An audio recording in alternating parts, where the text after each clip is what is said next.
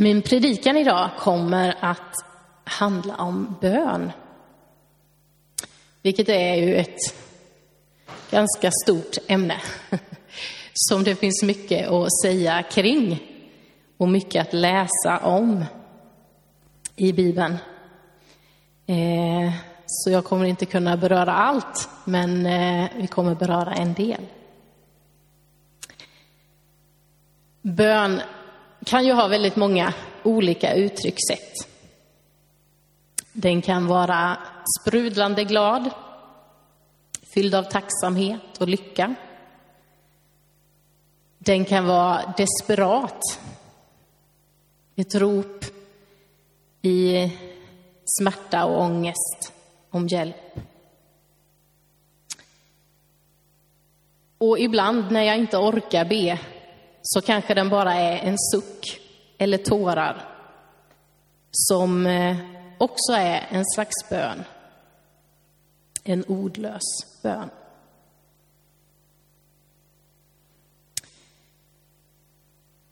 Ibland beskriver man bön som den kristnes andning.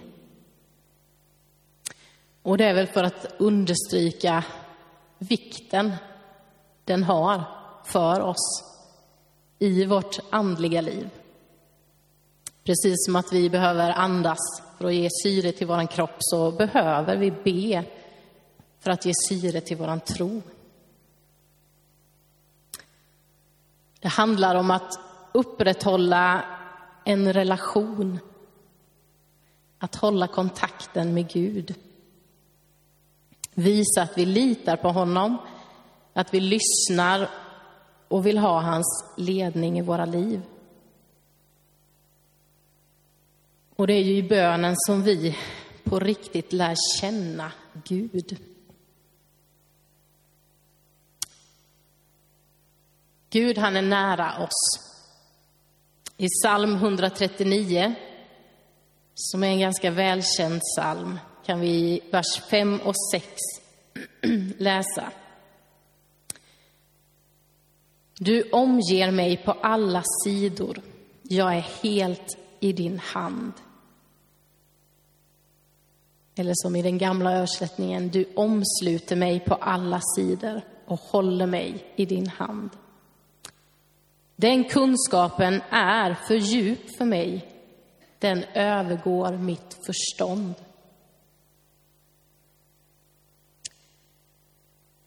Vi kan alltså inte förstå Guds närhet. Men vi kan uppleva den och känna den. Och det gör vi bland annat genom bönen.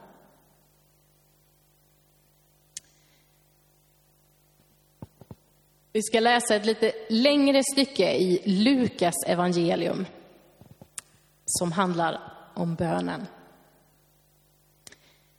Lukas kapitel 11, vers 1 till 13.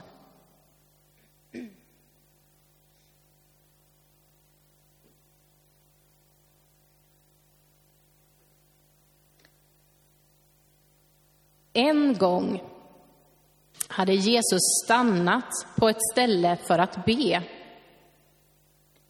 När han slutade sa hans lärjungar till honom, Herre, lär oss att be, liksom Johannes lärde sina lärjungar.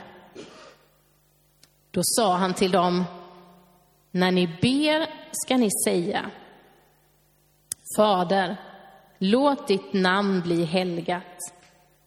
Låt ditt rike komma. Ge oss var dag vårt bröd för dagen som kommer och förlåt oss våra synder.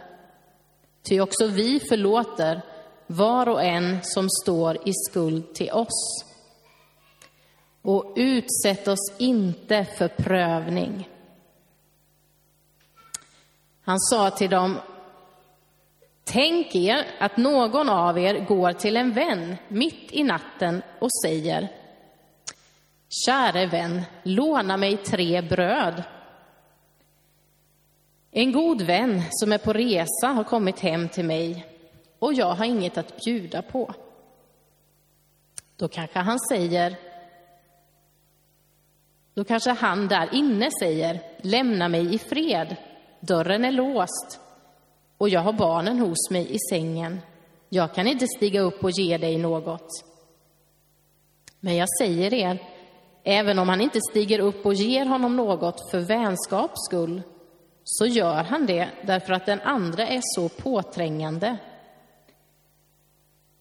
Och han ger honom allt vad han behöver. Därför säger jag er, be, så ska ni få. Sök, så ska ni finna. Bulta, så ska dörren öppnas. Ty den som ber, han får, och den som söker, han finner. Och för den som bultar ska dörren öppnas.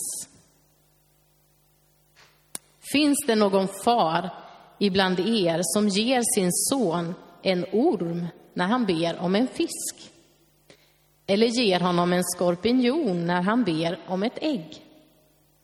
Om nu redan ni, som är onda, förstår att ge era barn goda gåvor, ska då inte Fadern i himlen ge helig ande åt dem som ber honom?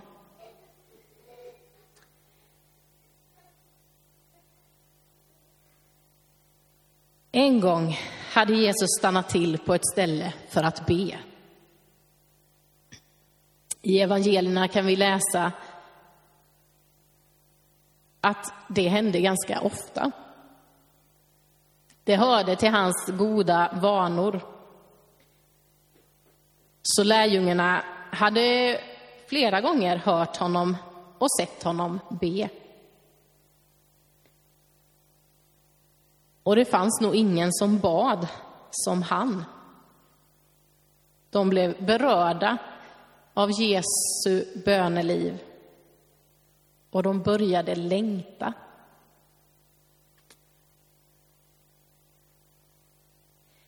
När han slutade be sa en av hans lärjungar till honom, Herre, lär oss be, liksom Johannes lärde sina lärjungar.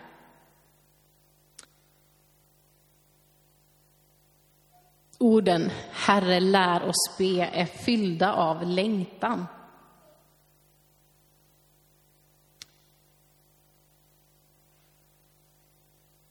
Bönens första prioritet, det är att vi ska komma nära Gud.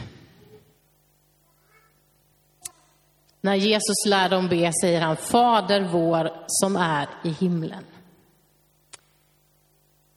Jesus han för oss in i en ny relation med Gud.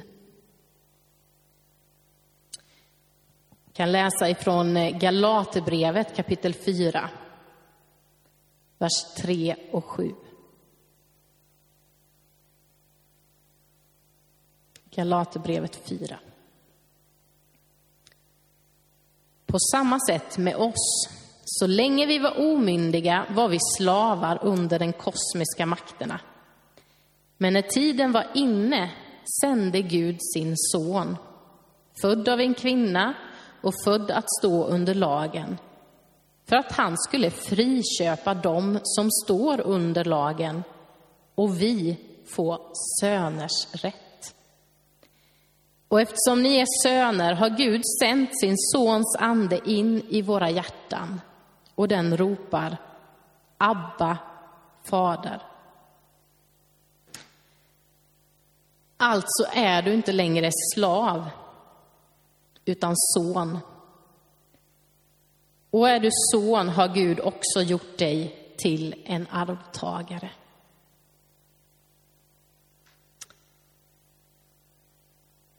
Vi har fått söners rätt, döttrars rätt barns rätt. Att vara likställda med Jesus, att kalla Gud vår far.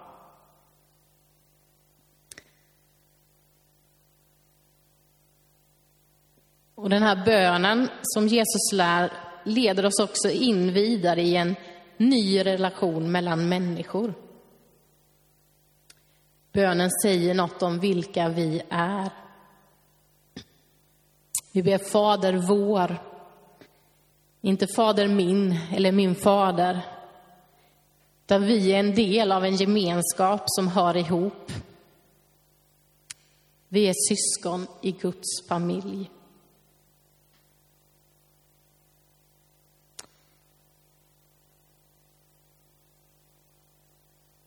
När Jesus talar om bönen här i Lukas 11 så ger han också ett löfte. I vers 9 och 10. Be så ska ni få. Sök så ska ni finna. Bulta så ska dörren öppnas. Till den som ber han får och den som söker han finner. Och för den som bultar ska dörren öppnas. Att be, söka och bulta. Även de här orden handlar om en längtan. Vi ber om det vi vill ha. Vi ber om det vi längtar efter. Vi söker efter det vi saknar.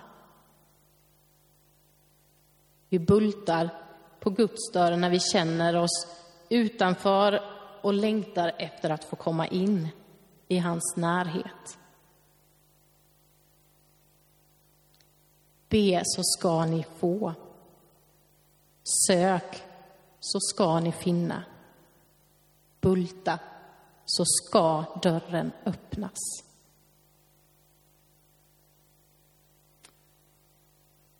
Gud, han längtar efter dig och mig.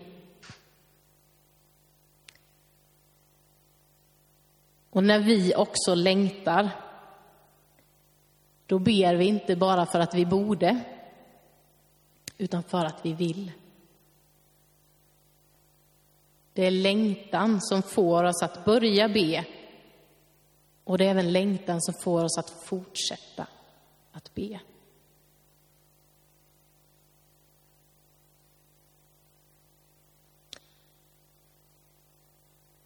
Lärjungen bad bönen, Herre, lär oss be. Och det är en grundbön som vi aldrig växer ifrån. Som vi alltid behöver leva med. Vi blir aldrig färdiga i bönen. Herre, lär mig be. Lär mig be idag, just nu.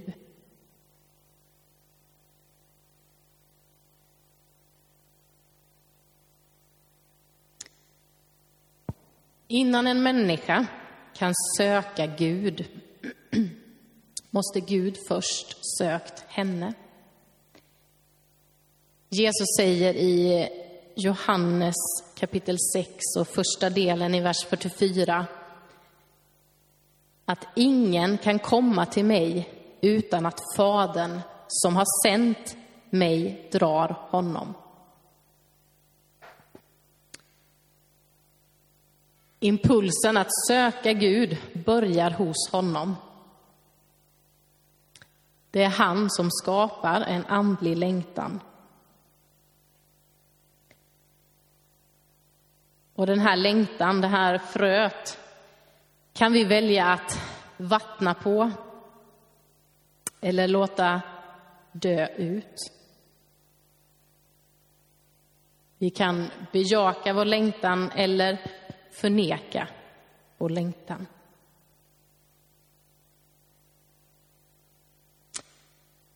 Tycker du att du inte kan be, men du har en längtan efter att be, så är det en god början. Då kan du stämma in i den här grundbönen med lärjungarna. Herre, lär mig be.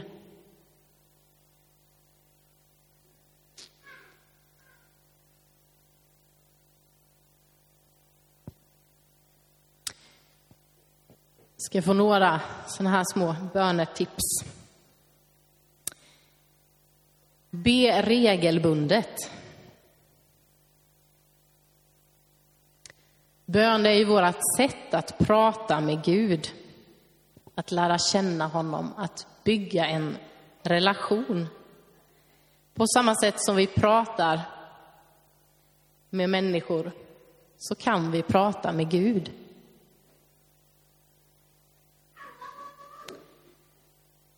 Och varje relation behöver kvalitetstid. En stund när allt annat läggs åt sidan. När man bara är tillsammans med Gud, samtalar, lyssnar, berör och berörs.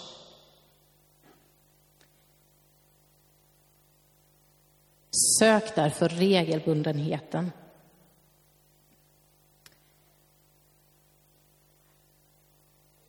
Ove sa förra helgen, vi kan be ständigt. Och det är sant. Med våra hjärtan och vår inställning så kan vi få be ständigt. Men vi behöver också de där stunderna när vi sätter oss ner eh, och får den där kvalitetstiden när vi kan få titta in i Jesu ögon. Och det är bättre med fem minuter om dagen än att ha höga ambitioner som kanske till slut inte blir någonting av. De försöker att låta det bli en vana, en regelbundenhet och hitta ett sätt som fungerar för dig.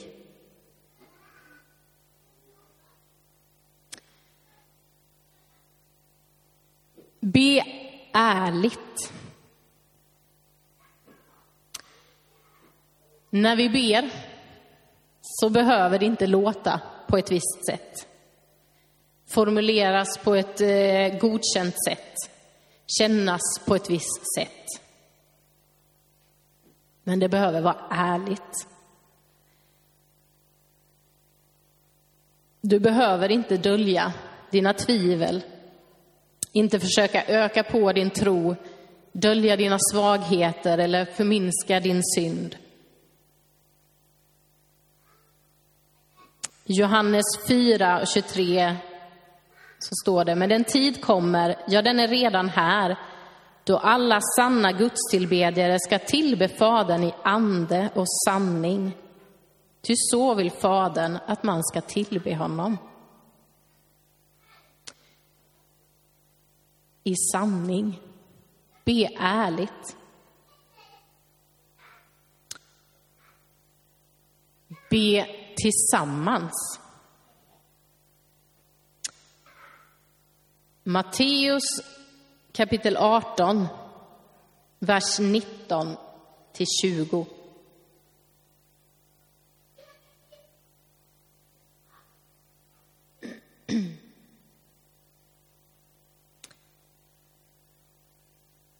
Vidare säger jag er, allt vad två av er kommer överens om att be om här på jorden, det ska de få av min himmelske fader.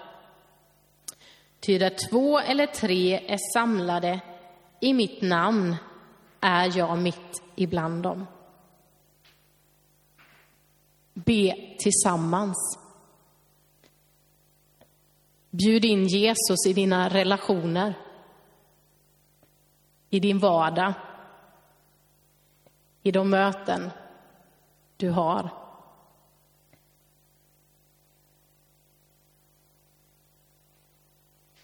Och när vi talar om att be tillsammans så har vi också församlingens bön. Vi kan läsa i Apostlagärningarna 4, vers 23, nej, 24 till 31.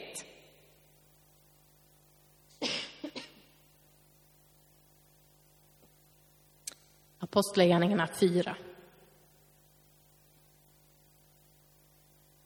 Från vers 24.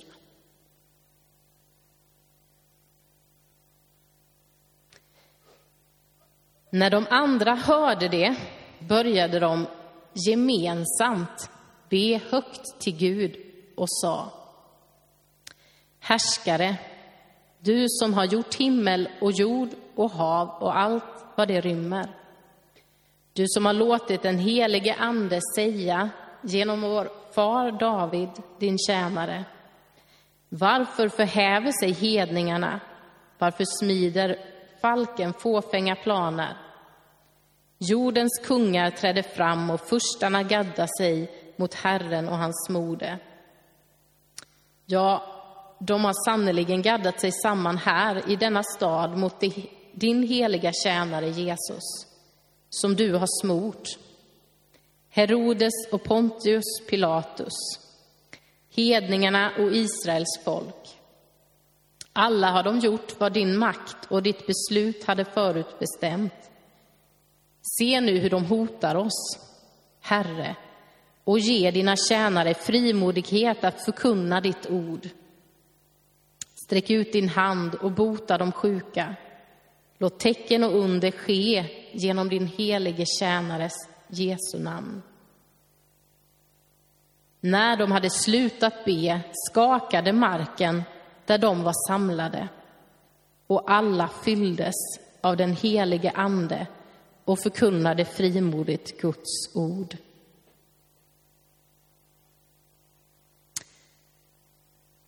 När de hörde det började de gemensamt be.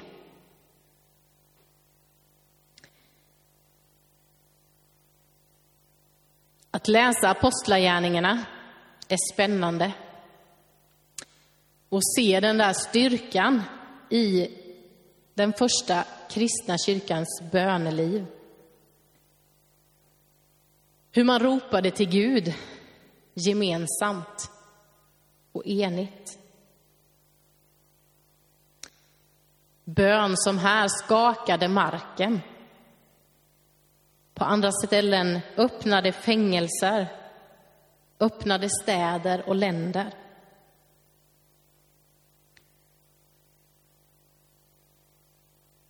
Kyrkohistorien är full av inspirerande exempel på kraften i en bedjande församling. Den gemensamma bönen är församlingens kraftcentrum kan man säga, eller motor. Be tillsammans. Och be uthålligt. Bön är inte alltid snabba klipp. Eh, utan det finns en uthållighet i bönen också. I Lukas kapitel 18 så ger Jesus en liknelse om detta, eller en berättelse. Lukas 18, vers 1-8.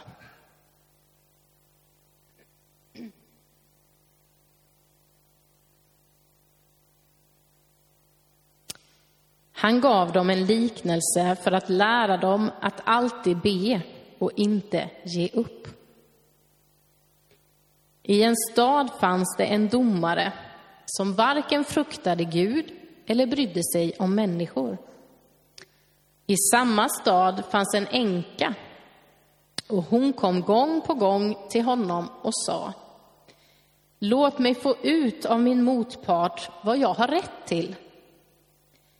Till en början ville han inte, men sen tänkte han inte för att jag fruktar Gud eller bryr mig om människor. Men så besvärlig som den här änkan är ska jag låta henne få ut vad hon har rätt till. Annars pinar hon livet ur mig med sitt springande. Och Herren sa, där hör ni vad en orättfärdig domare säger. Skulle då inte Gud låta sina utvalda få sin rätt när de ropar till honom dag och natt. Skulle han låta dem vänta? Jag säger er, han ska snart nog låta dem få sin rätt. Men Människosonen, ska han finna någon tro här på jorden när han kommer? Be uthålligt. Och be andligt. Anden lär oss att be.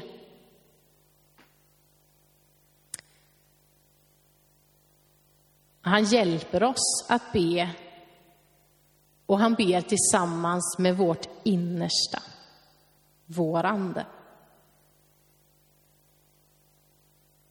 Den helige Ande hjälper oss att be när vi inte finner ord. Till och med kan det ge oss... Han, till och med kan han ge oss ett bönespråk som passerar förbi både förstånd men kommunicerar mellan vårt hjärta och Guds hjärta.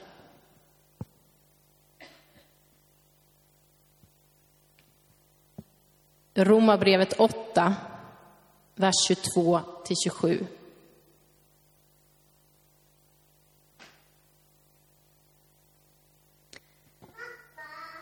Vi vet att hela skapelsen ännu ropar som i födslovåndor. Och till och med vi som har fått anden som en första gåva, också vi ropar i vår väntan på att Gud ska göra oss till söner och befria vår kropp. I hoppet är vi räddade. Ett hopp som man ser uppfyllt är inte något hopp. Vem hoppas på det han redan ser? Men om vi hoppas på det vi ser, inte ser, då väntar vi uthålligt. På samma sätt är det när Anden stöder oss i vår svaghet. Vi vet ju inte hur vår bön egentligen bör vara. Men Anden vädjar för oss med rop utan ord. Och han som utforskar våra hjärtan vet vad Anden menar eftersom Anden vädjar för de heliga så som Gud vill.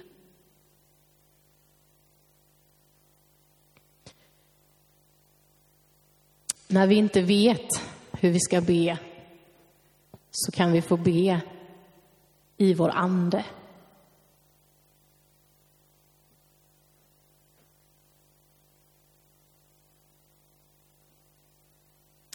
Bön förändrar. Det finns det många exempel på i Bibeln och många vittnesbörd från nutiden om. Men främst så förändrar kanske bönen oss.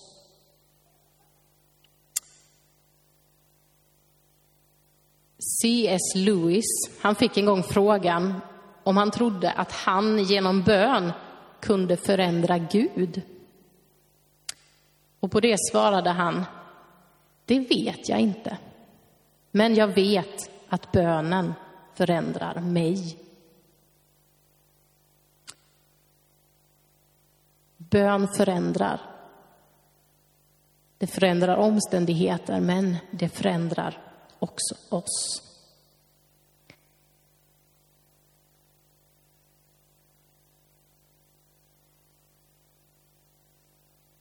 Ska citera första versen också i en eh, dikt av Stina Andersson som har tonsatts och finns med i vår Segertoner bok. Ett antal efter hennes död så blev det till en sång. Första versen så står det så här att be är inte endast att begära, att själviskt ropa ge mig, Herre ge. Att be är att komma Gud så nära att han blir livet i vårt eget liv. Att be är att komma Gud så nära att han blir livet i vårt eget liv.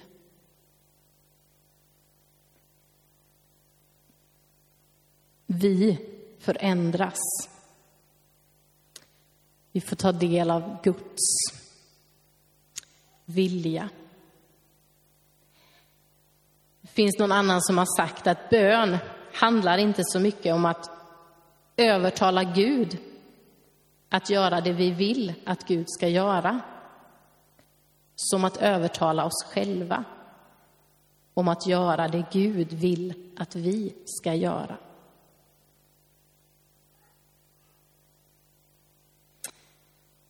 I bönen så talar Gud också till oss.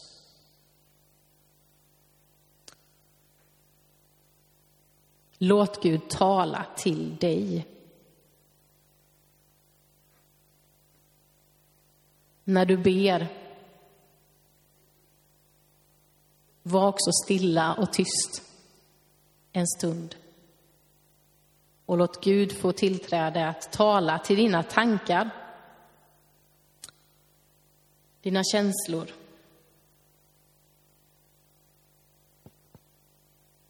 Och även här i Bibeln, det skrivna ordet, så har vi Gud som talar till oss.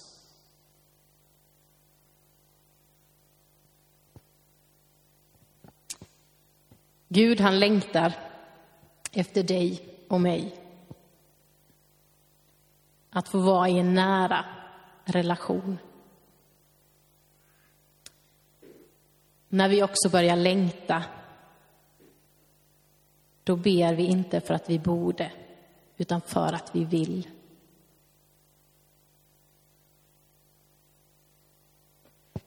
Det är längtan som får oss att börja be.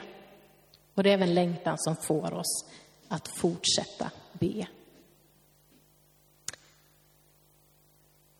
Och vi får stämma in i lärjungarnas bön.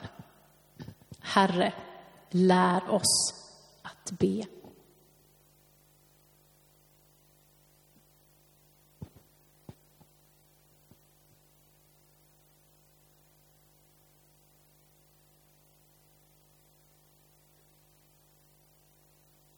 Jesus, tack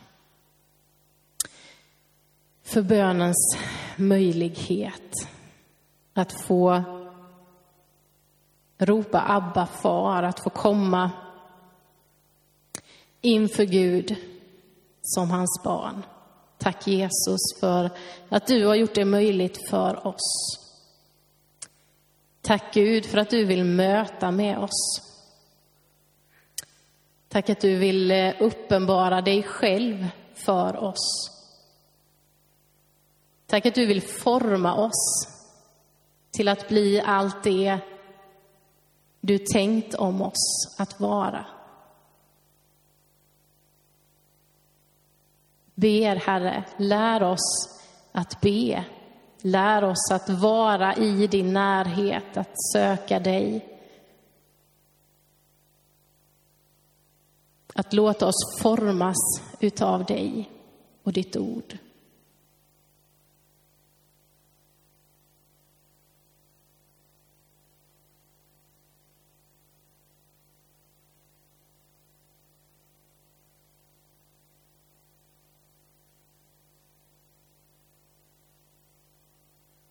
Tack att du vill väcka vår längtan.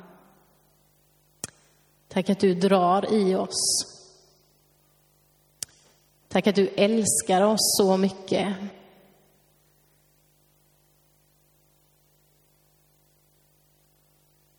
Tack att du vill vara tillsammans med oss.